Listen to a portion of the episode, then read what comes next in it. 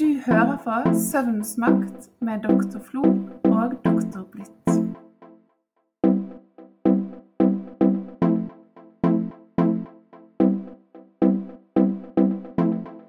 Ok, Elisabeth. I dag er det faktisk eh, 15. desember allerede. Det er nesten litt skremmende. Ja, sant. Jeg syns det ofte går så fort, denne perioden eh, før jul. Det går altfor fort. Ja, sant det gjør det. Det er veldig sånn innholdsrike dager. Ja. Men hvordan eh, opplever du egentlig den eh, førjulstiden? Jeg er jo veldig jeg er en av de som syns det er gøy med jul. Ja. Eh, så jeg gleder meg jo til jul. Men jeg merker jo nå eh, at eh, dette med å ha tid til å gjøre alt det man føler man burde gjøre, er jo en gjengangsproblem hver jul, altså. Det er å få kjøpt alle presangene, og alt som skal skje i barnehage, og på skole, og på jobb, og Så det er jo en sånn konstant følelse av å ikke helt strekke til.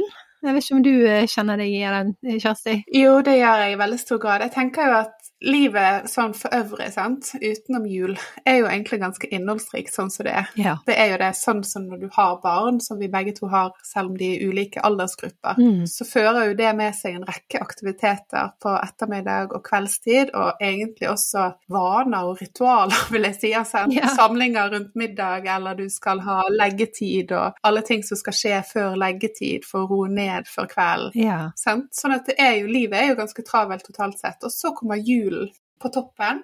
Så skal man liksom Eh, bare skvise du, den inn. Ja, litt sant? Så skal du liksom bare finne plass til det. Plass til både julegaver og egentlig mange ulike sosiale sammenkomster. Jeg vet ikke hvordan er det i din eh, Har dere mange av de, eller? Ja, altså jeg, jeg er litt eh, For å helt ærlig, jeg er ganske introvert som person. Jeg, jeg, altså jeg nyter jo å møte mennesker jeg er glad i, og jeg har mange mennesker jeg er glad i. Så jeg er jo ikke den Altså det er jo ikke sånn Av og til så tror jeg folk tenker introvert som en sånn person som ikke liker folk. Eh, men en introvert person er jo egentlig bare en person som trenger å lade batteriene med å være alene, istedenfor å lade batteriene med å være med folk. Så jeg nyter å være med folk, men jeg blir også helt utslitt. Um, så jeg må prioritere, uh, rett og slett. Uh, og, og jeg kjenner akkurat i julen så er det vanskelig å prioritere uten å føle at du uansett uh, misser ut. Sånn for eksempel sist nå, så var det tidligere nå i førjulstiden, så klarte jeg å glemme juleverksted på min datters Det er jo helt krise. Altså, det er litt det sånn er jo det. Det er det. oppdage det. Det er, og, og, og, sant? og de blir jo så lei seg, for det, er liksom, det bygges opp som om alle disse tingene som skjer før jul, er så livsviktig, og det er så alt, og, sant? og så blir det mye sammenligning mellom disse barna. Sant? Sånn at hvis du er den grusomme mammaen som har glemt at det er juleverksted på ettermiddagen, så, eh, så går jo det utover poden òg, da. For jeg hadde fått det for meg at det var en 18-dato, rett og slett. I all travelheten min så hadde jeg sett for meg det var en annen dato. Så, det, men det sier jo litt, for jeg er jo egentlig ikke en person som pleier å glemme alt mulig sånne ting som det, men det sier bare om hvor fullt hodet mitt da sannsynligvis har vært med alle mulige datoer og ting som skal skje. Jeg bare slett glemte det. Og det der, denne mangelfølelsen eh, av å ikke strekke til, det, da sitter jo den skikkelig i kroppen, altså. Det må jeg si. Ja, det tror jeg. Jeg tror egentlig at det er en veldig god måte å oppsummere. Det er en følelse som veldig mange har Mm. gjennom uh, juletiden. At du har forventninger både til deg sjøl uh, og hva du skal få til, og så er det krevende å innfri uh, disse forventningene. Så blir det på en måte en Ja, det blir en avstand. Sant? Hvis du forventer at du skal være med på alle sosiale sammenkomster og avslutninger, ha gode gaver og gaveinnpakning. Hvis du har to barn som har lyst på pakkekalender, så skal Altså, skal det du utgår ha hos oss for øvrig. Sjokoladekalender er bare Det tror jeg er et veldig godt eh, trekk. Ja. Men for de som har det, da, så har Ja. du plutselig 48 små gaver som skal kjøpes inn. Ja. Og har du tre barn, så blir det vel eh, 72. ja. Fantastisk. Samme eh, Samlet sett så kan den belastningen bare bli helt sånn massiv. Ja. Og da lurer jeg litt på, tror du at dette er sånn som vi ønsker å ha det? Eller tror du at det er noe som vi gjør uten å stille spørsmål ved det? Hva tror du? Jeg tror, eh, bare for én ting, altså når vi diskuterer dette nå, så må jeg bare si at det minner meg om den klassiske definisjonen på stress, som er rett og slett avstanden mellom det som forventes og det du kan levere. Det er liksom, det er stress. Sant? Altså om det da er for overlevelse, eller om det er sosialt sammenheng, så er, det, så er det definisjonen av stress er at hvis det er en stor avstand mellom det som forventes og det du kan levere, så vil du oppleve stress.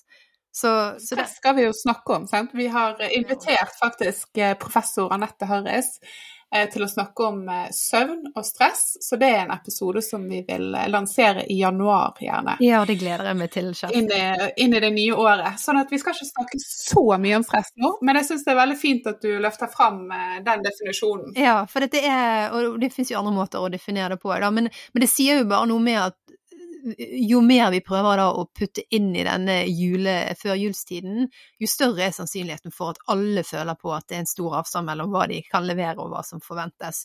Og da tror jeg nok at eh, selv en person som meg, som da er glad i julen, føler jo at dette ble for mye. Men så er man jo så redd for å være den ene kjipe forelderen som sier 'nei, dette gidder jeg ikke'. Altså, det går liksom ikke an å si det. Og det er jo det Ikke det der Abilene-paradokset? Eh, det er liksom denne tanken om at vi alle sammen gjør ting, sant? Mm. For å være i en konsensus, eller da enighet om at dette er en eh, felles mål, og det er bra for oss å gjøre det, men så opplever gjerne flere parallelt at det egentlig ikke er så kjekt, det vi holder på med. Men det er ingen som tør å si det høyt. og det, for det er nettopp den ideen, da. Litt sånn alle smiler til hverandre og tenker alle andre vil dette, så jeg må bare smile og gjøre det, jeg òg. Og så er det egentlig ingen som har lyst. Uff a meg, det er jo egentlig helt tragisk. Det er litt sånn marerittaktig, egentlig. ja. Jeg syns, eh, jeg syns jo virkelig at det er moden for en revurdering, da. For ja. at, uh, jeg har jo to jenter, mm. og begge går på fotball mm. og dans i tillegg. Og da er det både juleavslutning på dans og på fotball, mm. og så er det skoleavslutning. Og da må jeg markere at skoleavslutningen, det er ikke på kvelden, det er på morgenen fra klokken halv ni til klokken ti.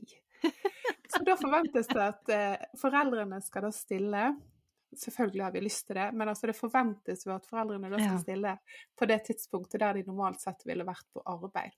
Ja. Og det betyr jo at du må ta den tiden, og gjerne arbeide utover ettermiddagen eller finne andre måter å sjonglere det på. Så poenget mitt da, med alle disse avslutningene og gavene og innpakningene og i det hele tatt, er at det blir jo veldig mye stress. Og det er jo bare i forhold til det praktiske. Ja. annet er jo forventningene du har til hvor fint du skal ha det, eller hvor koselig ja. det skal være. Og der rekker vi kanskje nesten knapt å tenke oss om.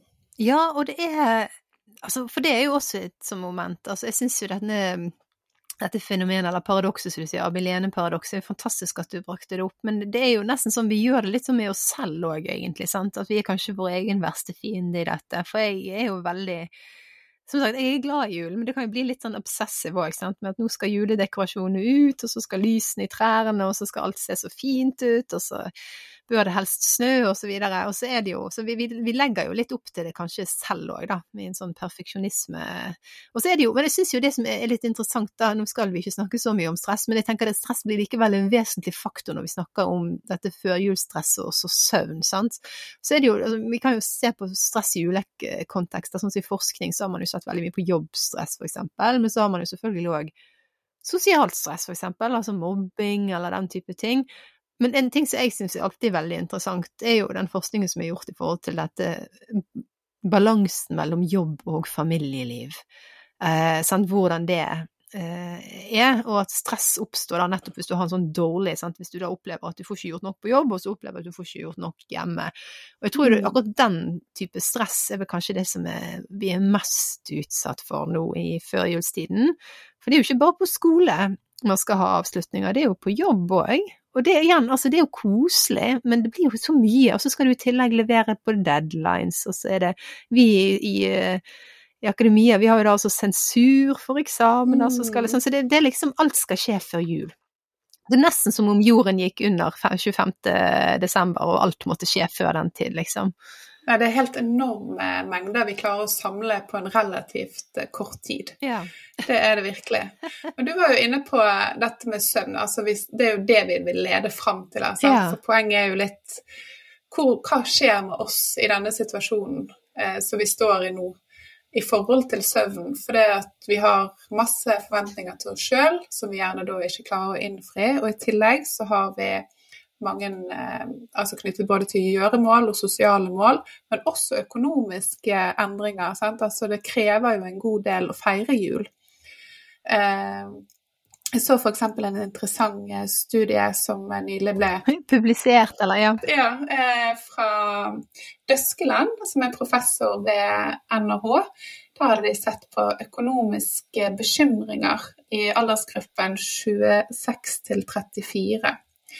Og ser der at det er veldig framtredende eh, i den eh, populasjonen. Og da særlig hos de som da tjener under 500 000 Ja. i året. Og så tenker jeg eh, dette med økonomi på toppen av alle disse tingene du skal levere på i førjulstiden. Det blir jo samlet sett en enorm eh, mengde. Den perfekte storm.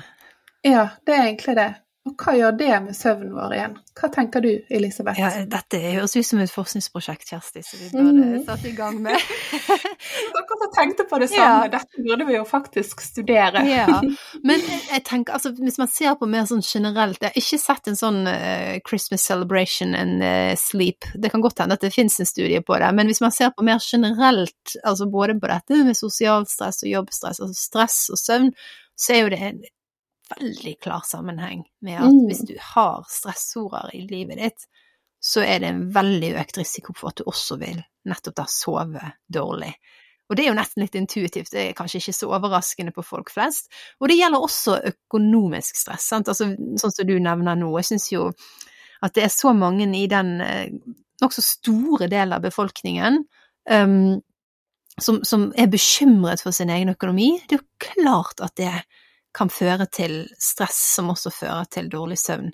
Uh, og Nei, det, det er jo da altså, Det så jo også det var noen som gikk ut og sa at uh, for de som da har dårlig råd, så er jo nettopp alle disse arrangementene, som også krever sånn type Santa Lucia-kjole, utkledningsklær, Mm. nissedrakt, sant, og det er, det, det er rett og slett mye penger som går ut i løpet av en sånn måned. Så, så den perfekte storm, rett og slett, altså for også da å sove dårlig.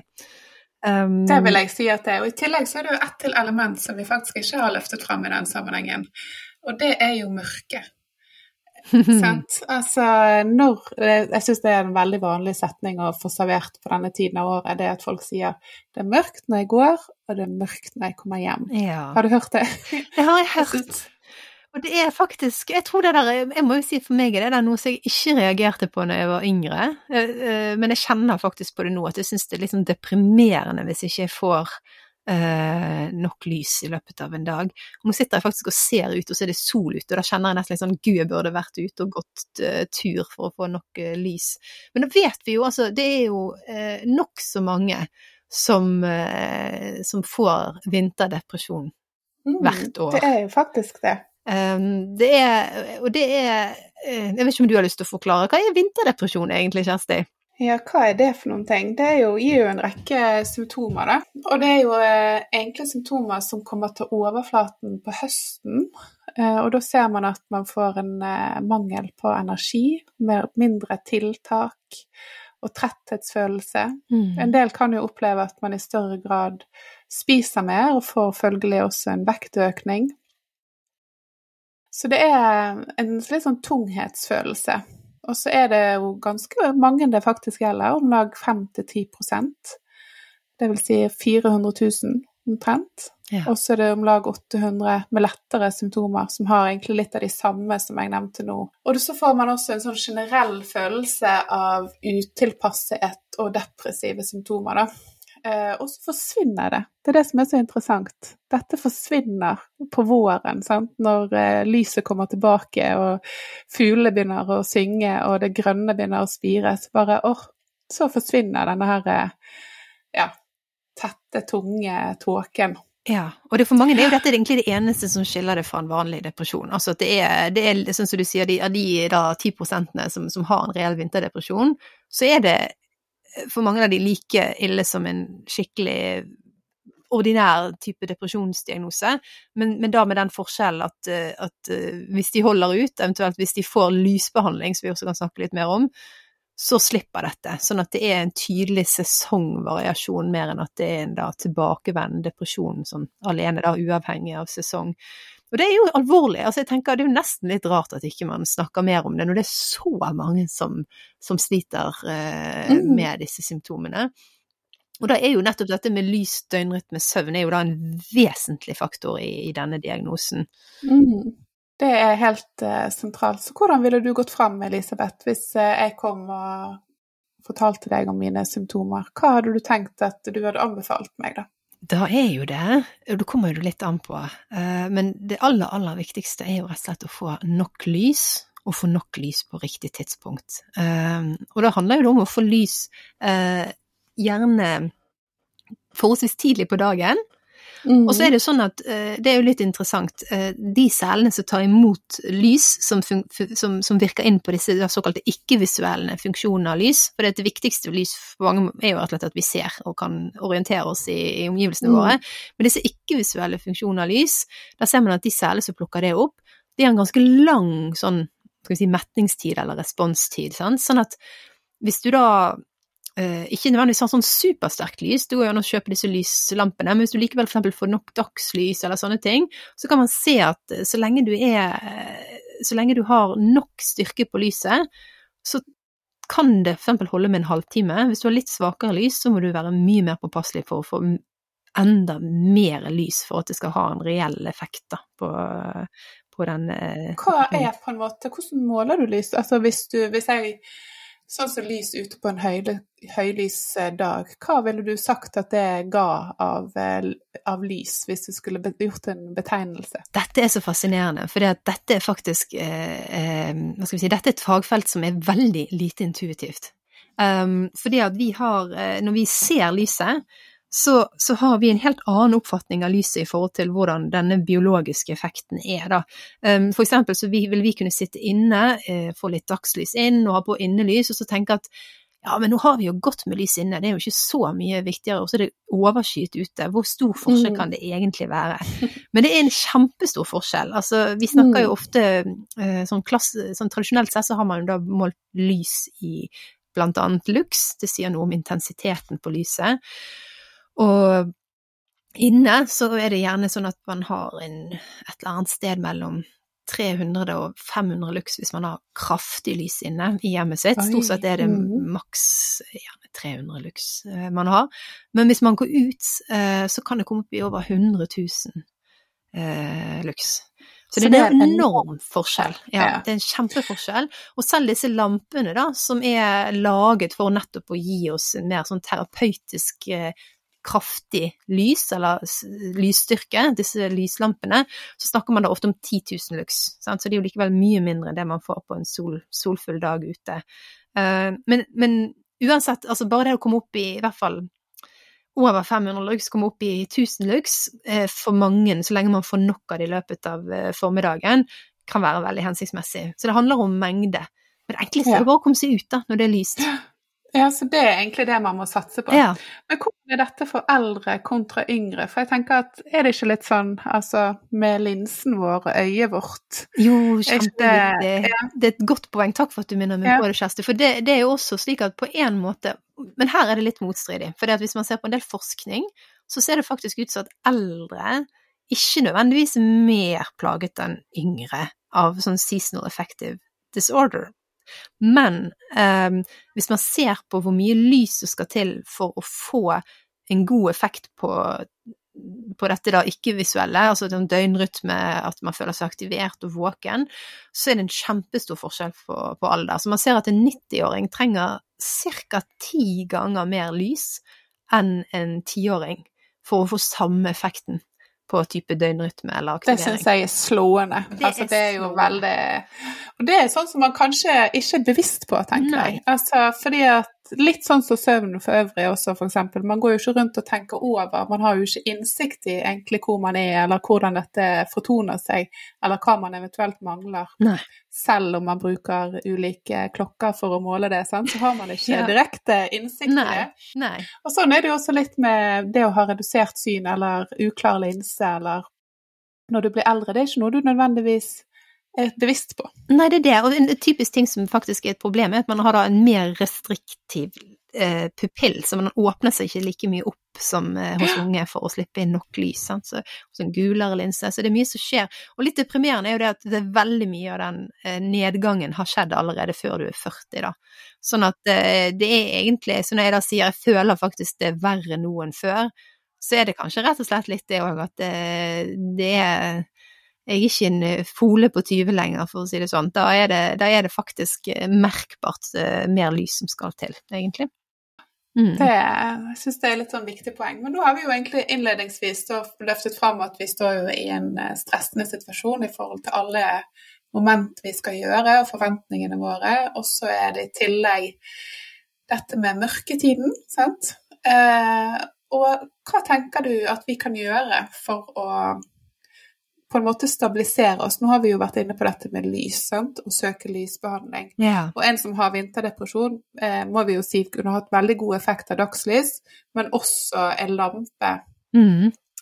Før du går eh, på arbeid, hvis du ikke du har anledning, f.eks. Eller på jobb, hvis du har mulighet til å sitte ja, på jobb. Ja, mm. det er en veldig godt poeng. At du har eh, mulighet til å få en lampe med 10 000 lux som du kan eksponere for eh, tidlig om morgenen, så er det en fordel. Ja. Men andre ting, da? Hva tenker du? Eh, for å holde oss stabile og på en måte ved best mulig mot, og for å ivareta søvnen vår, sånn at vi også får overskudd til alle disse ulike oppgavene som vi skal gjennom, sant? for det er, jo, det er jo et mål. Hva skal vi gjøre? Hva tenker du er vesentlig? Da tenker jeg søvnhygiene, sant. Men Ja, er søvnhygiene, Elisabeth, det høres jo så tullete ut. Det ordet i seg sjøl. Ja, det er ikke noe såpe som skal til, for å si det sånn. Det, det, er, det er et veldig rart ord, men jeg tror samtidig det er et ord som er blitt brukt nok i media nå til at det er en del som faktisk har et sånn forhold til å skjønne litt hva det, hva det går i, da. Eh, men eh, vi har jo snakket en del om søvnhygiene, og en av de tingene som jeg tenker vi, vi bare ble litt sånn enige om å si på forhånd som en sånn hva heter det, sier man på engelsk, sånn, at man må bare visst på da, at det å bare vite om alle disse søvnhygienerådene er jo på ingen måte nok til å plutselig sove bra. Så det er gjort en del forskning på at søvnhygiene det må tilpasses den enkelte for at det faktisk skal ha en effekt. Sant? Sånn at, eh, og, og aller, aller viktigst, hvis du egentlig ikke sliter med søvnen, så er ikke det sånn at du trenger å gjøre alle disse søvnhygienerådene nødvendigvis for å være sunn eller sånn. Så dette er ikke ment som en sånn bibel. Eh, men det er likevel en del viktige atferder og vaner man kunne med fordel lagt seg til, som er med på å øke muligheten for å få en bedre søvn, rett og slett. Mm. Eh, og det syns jeg var en utrolig god idé, Kjersti, at vi skulle rett og slett gå litt igjennom søvnhygiene nå i denne travle førjulstiden, og se litt hva, hva kan man gjøre for å i hvert fall optimalisere muligheten for å sove godt, da. Um, og da kan man jo dele inn søvnhygiene i flere grupperinger. Um, og det ene, det kanskje første vi kan ta opp, er jo nettopp dette med å ta vare på oppbygget søvnbehov. Men før vi går igjennom det, så lurer jeg på om vi bare bør forklare hva vi mener med søvnbehov i denne sammenhengen. For det har jo med, rett og slett med søvnregulering å gjøre. Eh, Søvnhygiene speiler jo egentlig eh, søvnreguleringen vår, sant? som består av dette som heter homostatisk faktor og sirkadiansk faktor, og egentlig da vaner.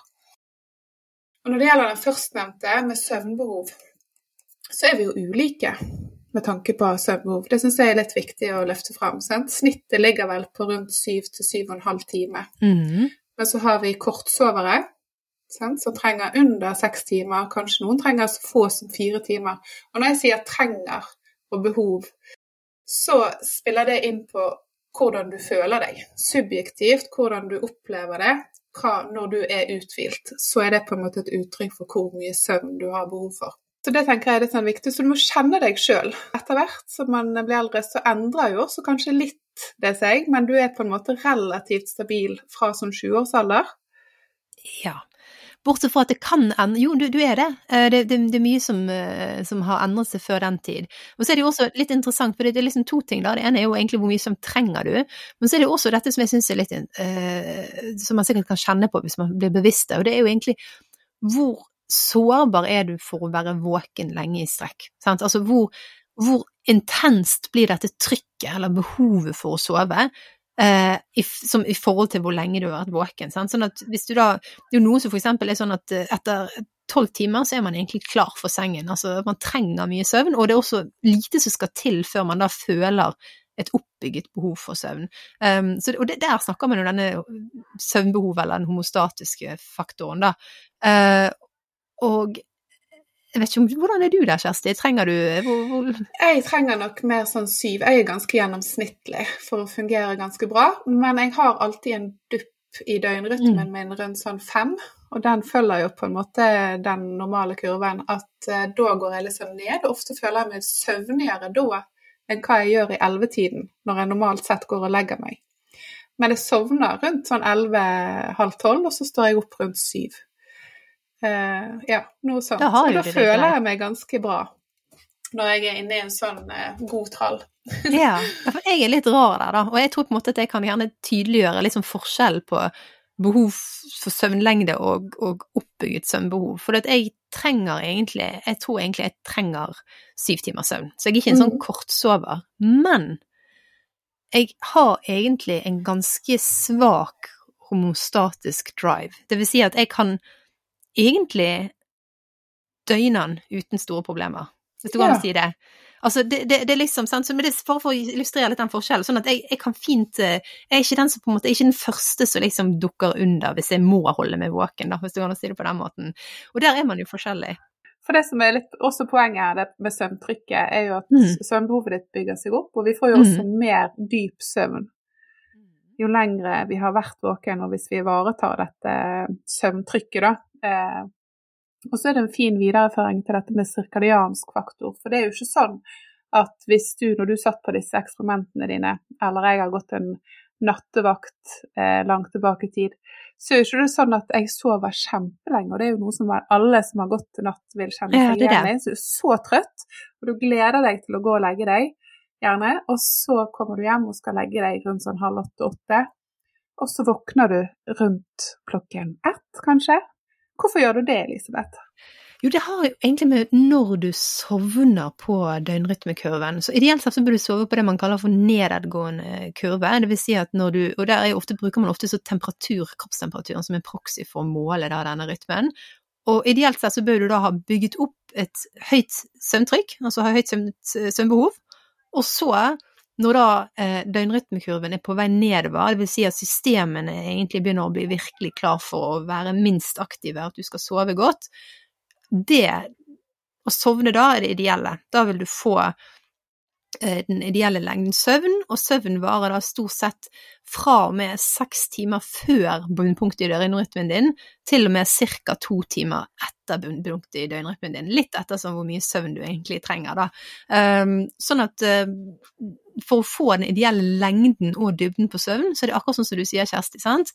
Få et godt oppbygget søvnbehov og sove på riktig tidspunkt av din egen døgnrytme da har man fått seg en god natt. Sant. Og det Hvis man har anledning til det, sant? for vi forstår jo naturligvis at mange ikke har anledning til, mm. å, til å, følge sin egen Altså det som er best, best rett og slett for døgnrytmen din og for å ivareta disse momentene. Men for de som kan det, så bør man tilstrebe det f.eks. å stå opp til samme tid hver dag.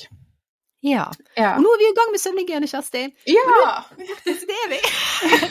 det at nå er vi inne i det. Da, men da hadde vi lurte på om vi skulle begynne med denne her eh, søvnbehovet først, da. For nå har vi forklart både døgnrytme og søvnbehov. Og da er jo det et par ting som er eh, veldig vesentlig. Og det første som kanskje gir mest mening, det er jo unngå å sove på dagtid. Ja. Ja. Det er veldig lurt.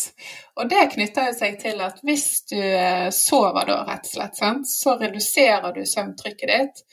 Og hvis du kommer inn i den dype søvnen, som du kan gjøre over 20 minutter, så vil du ha problemer med å sove igjen, altså innsovningen din eh, til kvelden. Sant? Så da, da, vil du på en måte skape en uheldig situasjon for deg sjøl. Sånn at hvis du er veldig sliten og stresset i julestressituasjonen, og du ja. har mye på deg, så er det ikke en fordel nødvendigvis for deg å ligge deg ned på dagtid og sove en time, f.eks. Det er ikke det.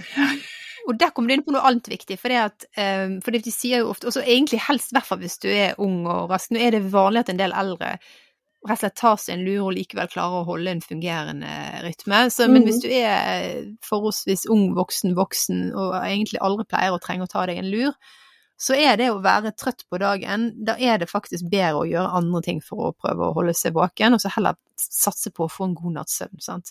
Men eh, du sa en time, og det er jo også et viktig poeng, for vi sier at hvis du absolutt må legge det litt ned på, så sier man jo i sånn tommelfingerregelen at maks 20 minutter.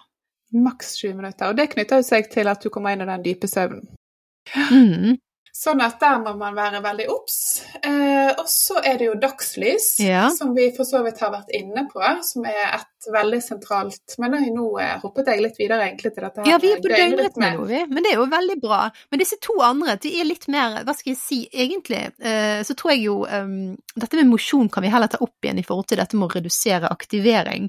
Um, mens dette med å bruke sengen fornuftig, Mm. eh, hva legger vi i det, Kjersti, i forhold til opparbeidet søvnbehov? Jeg tenker jo at det å sitte i eh, sengen og jobbe med ting, sant. F.eks. ha med seg PC-en og så sitte der og se på en film, eller sitte der og skrive på ulike ting som du skal levere like før sengetid, det er jo ikke så veldig lurt eller Det øker hensiktsmessig. eh, øker jo risikoen for at du dupper av. Uh, og så er det jo nettopp også det der med at det er jo en del som også blir liggende og dra, hvis de har mulighet, da, blir liggende lenge i sengen etter de har våknet fordi de egentlig er kjempetrøtt. Og det er jo også sånn som på, i forhold til dette med oppbygging, sant? det å ligge og småsove, sant? da har man jo igjen den samme situasjonen hvor man da egentlig eh, potensielt sett gjør at neste natts søvn blir forringet.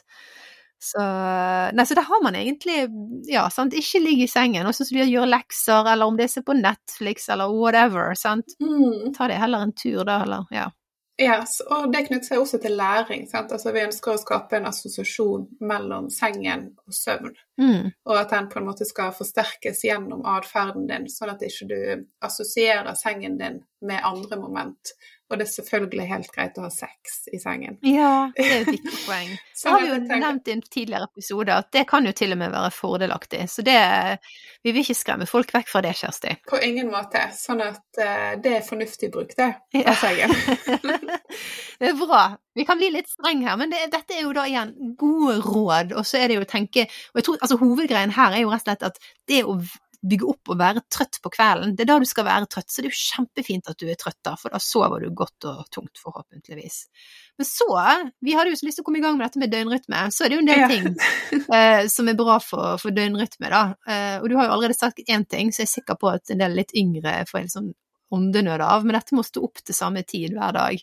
Ja, det er jo viktig, for det er da du på en måte setter i gang eh, rytmen din, på sett og vis.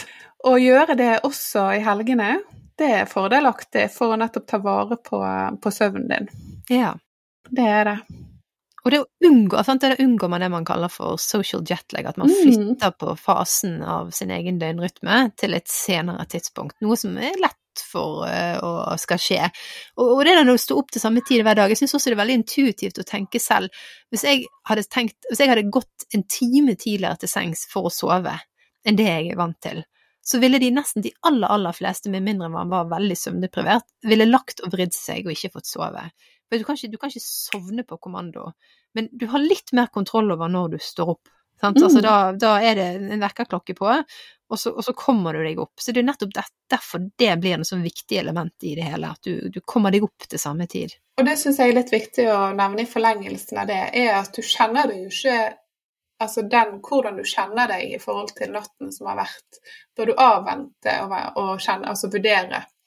Du må la det gå en halvtime før du på en måte tenker litt gjennom eh, hvordan søvnen din har vært den foregående natten. Ja. Eh, Søvndrukkenhet, er det jo det man sier? du kan kjenne deg på natten òg når du våkner. Litt eh, samme følelsen. Du er liksom ikke helt kvikk. Mm.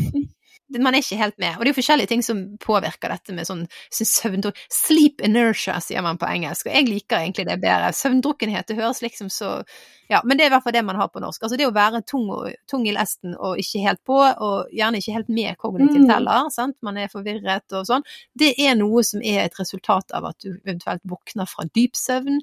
Um, det blir også verre hvis du er søvndeprivert, sånn at en del vil kjenne på enda mer uh, søvndrukkenhet i, uh, hvis de har hatt en periode med dårlig søvn, eksempel. Men det som du sier, det Du er liksom ikke helt påskrudd ennå.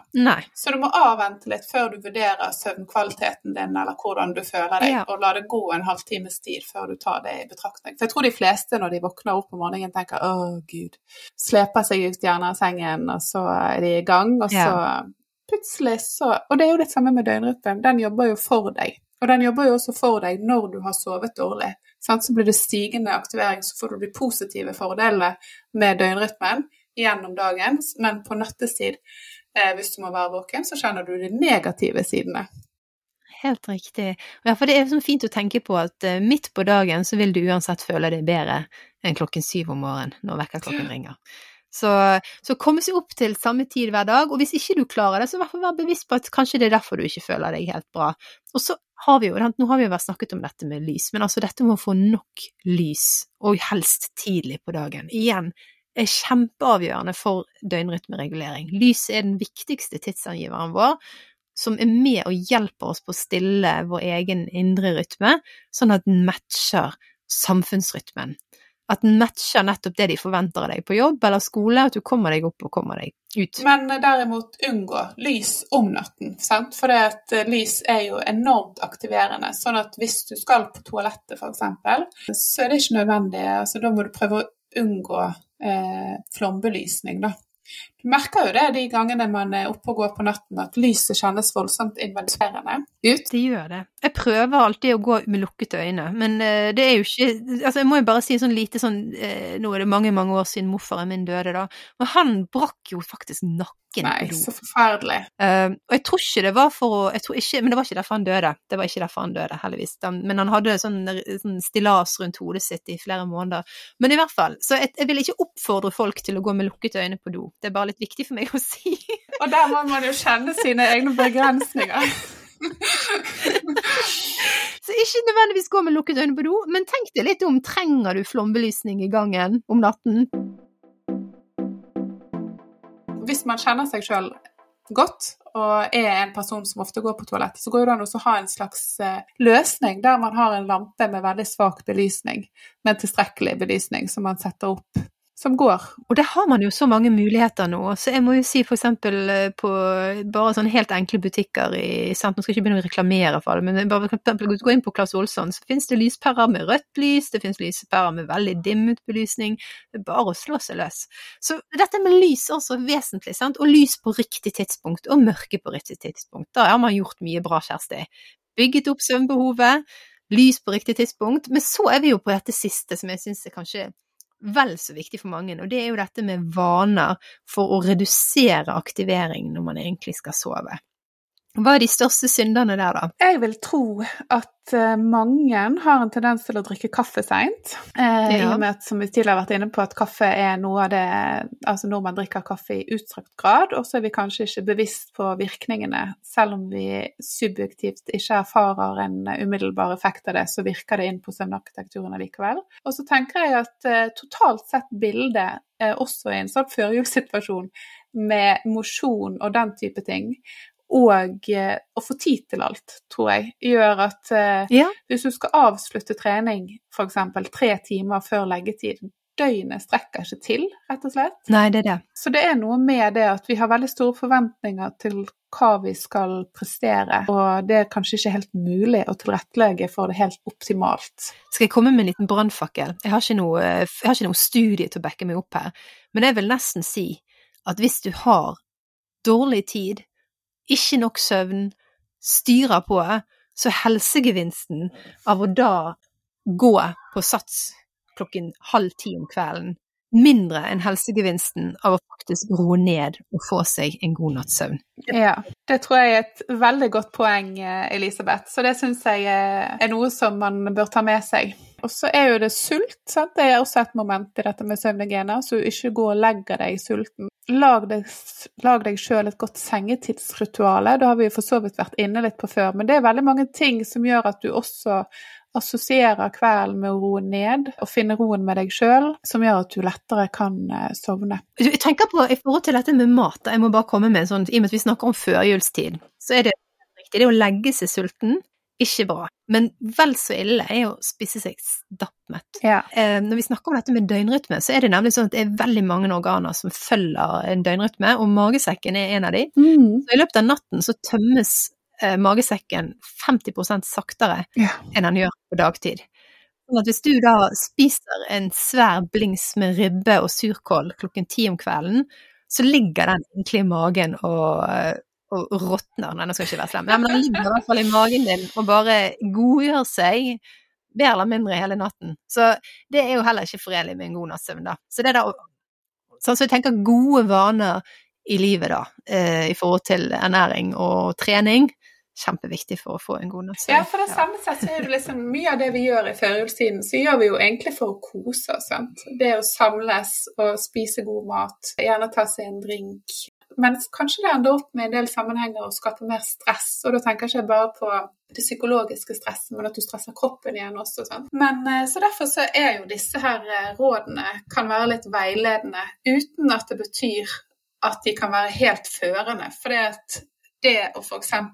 stå opp til samme tid hver dag, det tenker jo ikke jeg og du Elisabeth at folk skal gjøre. fordi at vi forstår jo at mange som er i ulike aldersgrupper, har vel så stort behov for å være sosialt aktivt og oppleve ting sant? I helgene, ja. og gjerne gå ut og være sammen med andre til langt på, på natt. Sant? Eh, og da er ikke det alltid forenlig med å stå opp, så du må hele tiden gjøre en avregning for hva du eventuelt får ut av noe, kontra hva du må gi. Ja, og så gjenkjenne litt hvor skoen trykker, sant. Men jeg syns jo det der med, med, å stå opp til samme tid, det er jo litt interessant. Altså, de, for, for, en god, god, del år siden så ble jo det publisert en studie som viste nettopp dette, at det var en sammenheng mellom søvnlengde og, og dødelighet. Altså, nå skal jeg ikke skremme vettet av folk, dette er på befolkningsnivå, så hver enkelt person må ikke gå rundt og tenke på dette som en sånn grufull ting. Da. Men da så man at både det å sove for mye og det å sove for lite uh, var forbundet med en økt uh, dødelighet.